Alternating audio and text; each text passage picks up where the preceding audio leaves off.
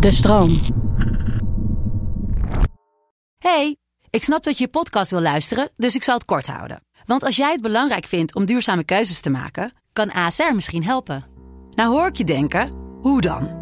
Nou, bijvoorbeeld bij het duurzaam herstellen van schade. Of de premies die we beleggen volgens ons duurzaam beleggingsbeleid. Dat bepaalt waar we wel en juist niet in investeren. Wil je meer weten over welke duurzame keuzes ASR maakt? Ga dan naar asr.nl slash duurzame keuzes. ASR doet het.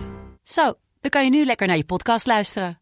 Hey, ik snap dat je je podcast wil luisteren, dus ik zal het kort houden. Want als jij het belangrijk vindt om duurzame keuzes te maken, kan ASR misschien helpen. Nou hoor ik je denken, hoe dan? Nou, bijvoorbeeld bij het duurzaam herstellen van schade. Of de premies die we beleggen volgens ons duurzaam beleggingsbeleid. Dat bepaalt waar we wel en juist niet in investeren. Wil je meer weten over welke duurzame keuzes ASR maakt? Ga dan naar asr.nl slash duurzame keuzes. ASR doet het. Zo, dan kan je nu lekker naar je podcast luisteren. Ja, maar wat was eerst? De naam of de maan? Precies. Ik denk de maan. 10, 9, 8, 7, 6, 5, 4, 3, 2, 1. Lift off! Welkom bij Bert ziet sterren, de populair wetenschappelijke podcast waarin ik iedere aflevering samen met mijn goede vriend en promovendus theoretische natuurkunde Bert een duik neem in de wonderenwereld der natuurkunde. Hey Tim. Hallo Bert. Hey, hoe is het? Goed. Ehm, ik heb jou wel eens eerder verteld. Nee, wacht. Hoe is het met jou? Oh, eh, ook goed, Tim. Nou, dat is fijn. Plichtplegingen gehad. Eh, je weet wat ik doe als ik niet kan slapen, hè? Als je belt wat wij samen slapen, dan slaap je als een roosje. Maar dat is meestal omdat het na gedane zaken goed rust is. Eh, anyway, eh, en, eh, vaak kijk ik dus als ik echt niet kan slapen raketlanceringen. Mm. En deze week Ja. was het genieten, Ja? want Juice. juice is in the air. De Jupiter Icy Moons Explorers. Of zo. Mi- Mission. Ja, Mission. Jij, eh, ik, ik weet alleen dat. eh, Even lezen te kijken. ja, en dat, dat wij als Europa Ja. een hele mooie missie hebben gelanceerd onderweg naar de manen van Jupiter om te kijken of daar misschien leven is. Eh, en voel je dan trots dat wij Europeanen dat hebben gedaan? Ja, toch wel zeg maar het beschaafde deel. Nee, dat kan je niet meer zeggen. Eh, ik ben in ieder geval blij dat we die kut-Amerikanen met de loef afgestoken hebben. Eh, maar die komen er gewoon achteraan klappen, hè? maar daar hebben we het nog wel over. Is dat zo? Zeker. Met Juice 2. Nou ja, met ook een mooie missie naar Jupiter. Orange Juice. Eh, waar wil je het over hebben, Tim? Eh, nou, ik vroeg me af, wat gaat die raket eigenlijk precies doen? Eh, ik zie, sorry, Orange Juice is wel een goede. Het is een raket naar. It's bigger. Eh, leuk. Eh, maar wat wil die weten? Nou, ehm, hoe, hoe, waarom, gaan we naar, waarom ga je naar, de, naar Jupiter? Super ver weg, weet ik. Grote gasreus, weet ik ook nog net. Ja, eh, megaplaneet. Echt gigantisch. Ja. Waarom daar naar leven zoeken en naar die manen? Nou ja, die manen zijn gewoon best wel cool. En om te beginnen zijn het er ook echt mega veel. Ehm, hoeveel manen heeft, eh, heeft de aarde? De aarde heeft één maan genaamd de maan.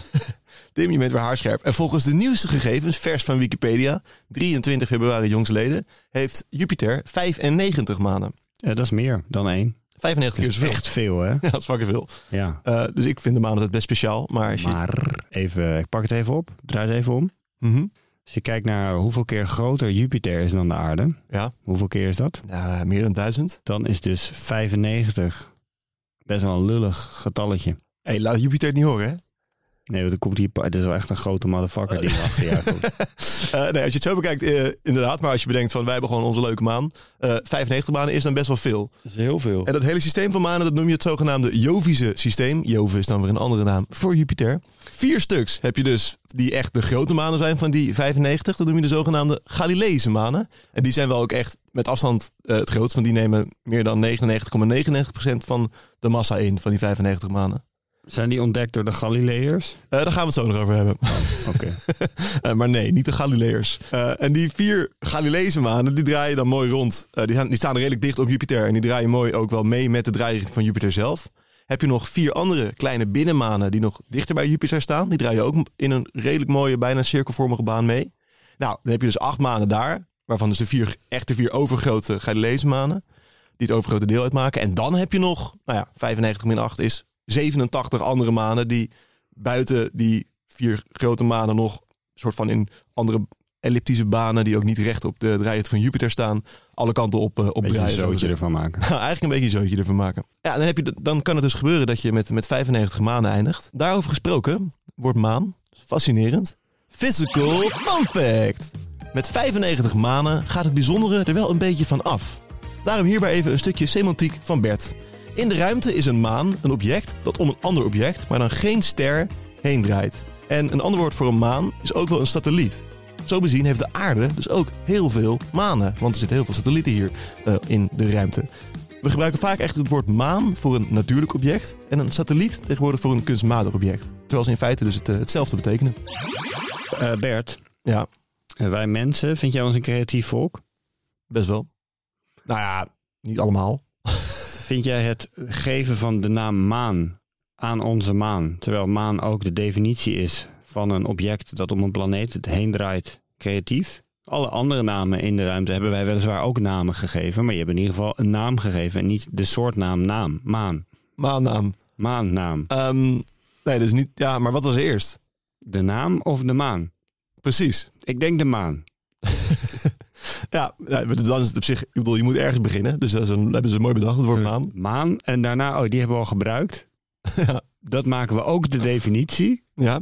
En dan moeten we nu andere namen gaan verzinnen voor manen. Ah, ik denk wel dat het zo is gegaan. Eh, maar even, hè. Ja. Je had het over, zeg maar, het Galileïsche systeem binnen de Jovische manen, toch? Nou, of de vier Galileïsche manen. En die waren niet ontdekt, ontdekt door de Galileërs. Nee, maar, maar wel door Galileo. Ah, Galilei, één der Galileërs.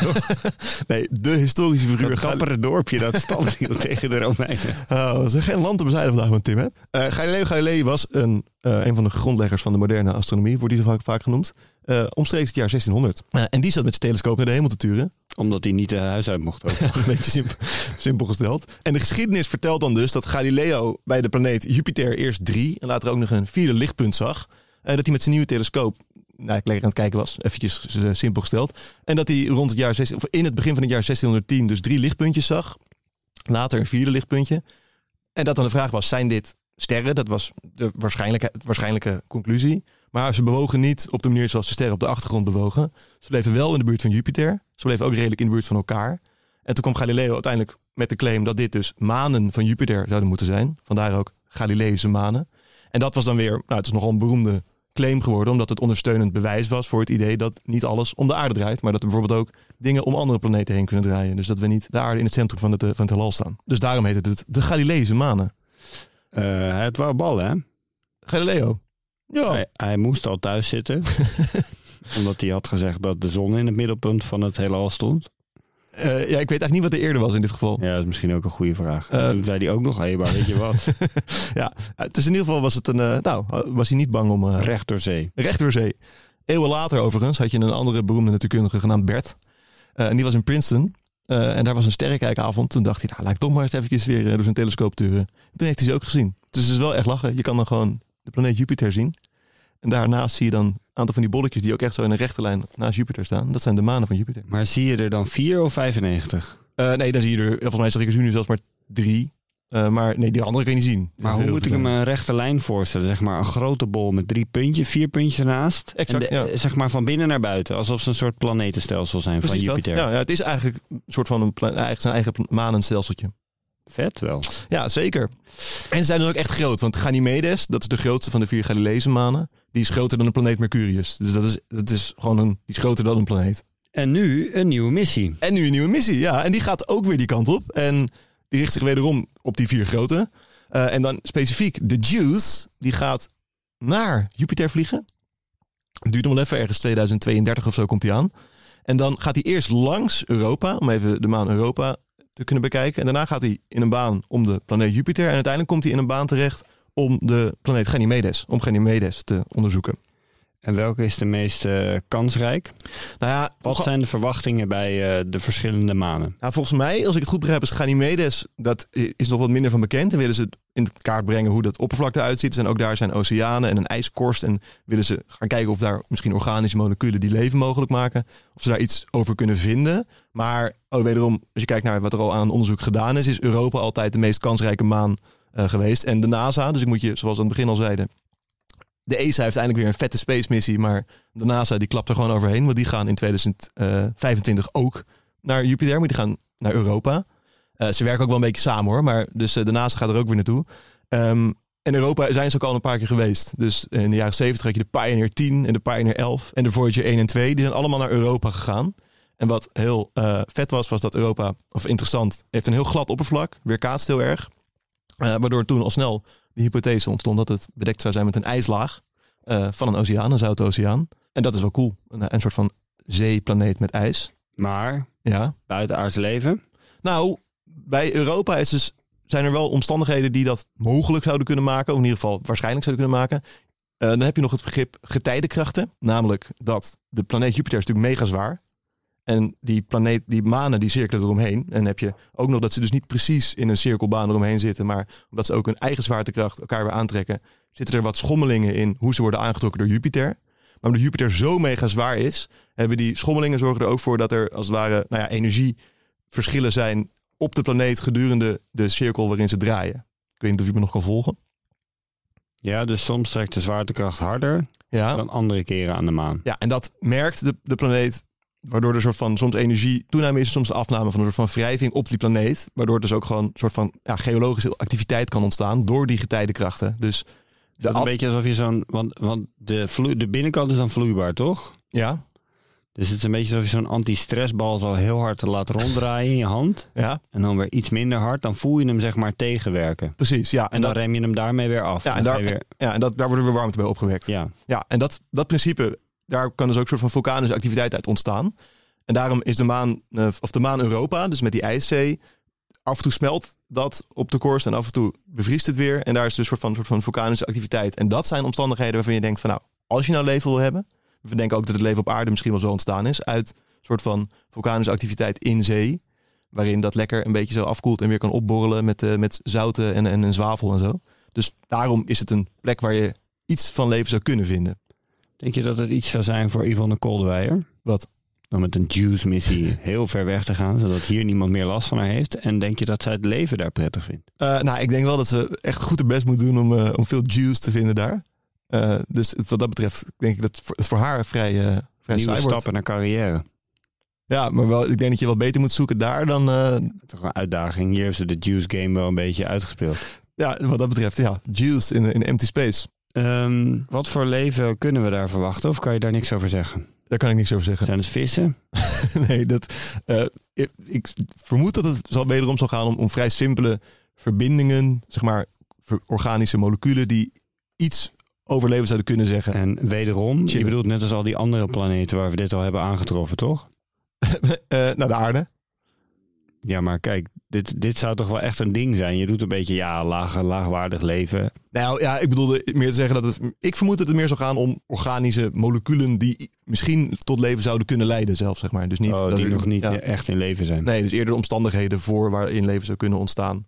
eh, dan dat je een soort van pantoffeldiertjes gaat vinden of zo. En eh, wanneer gaan we dit leven ontdekken? Eh, nou ja, de Europese missie, wij met de, zeg maar de ESA, de, de JUICE, die komt als het goed is volgens mij in 2032 eh, langs Europa cirkelen. En dan, nog, eh, dan gaat hij in 2034 pas rond, eh, in een baan rond gaan die mede. Dus het duurt nog wel even. Is dat omdat de TomTom vrij slecht werkt of staat er file op de rechtstreekse route? Nee, het is ook gewoon best wel ver.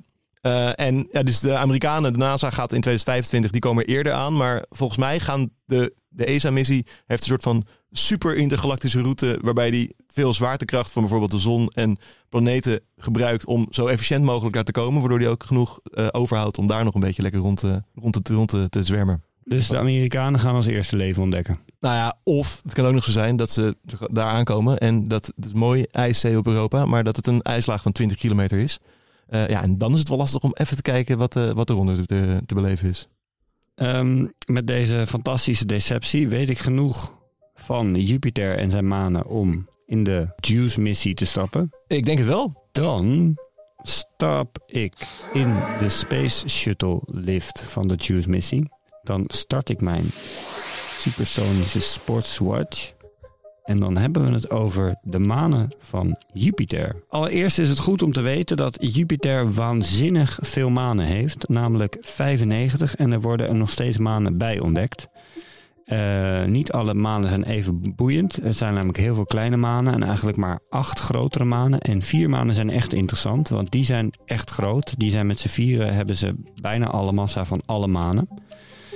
Ehm, en die manen die zijn, die heten eh, het Galileïsche systeem, oftewel de Galileese maan. En dat komt omdat ze ontdekt zijn door Galileo Galilei, die toen hij thuis opgesloten zat met zijn telescoop naar de hemel keek en daar vier lichtpuntjes naast Jupiter ontdekte. En toen dacht hij, hé, hey, wat is dat? En toen bleken dat manen te zijn.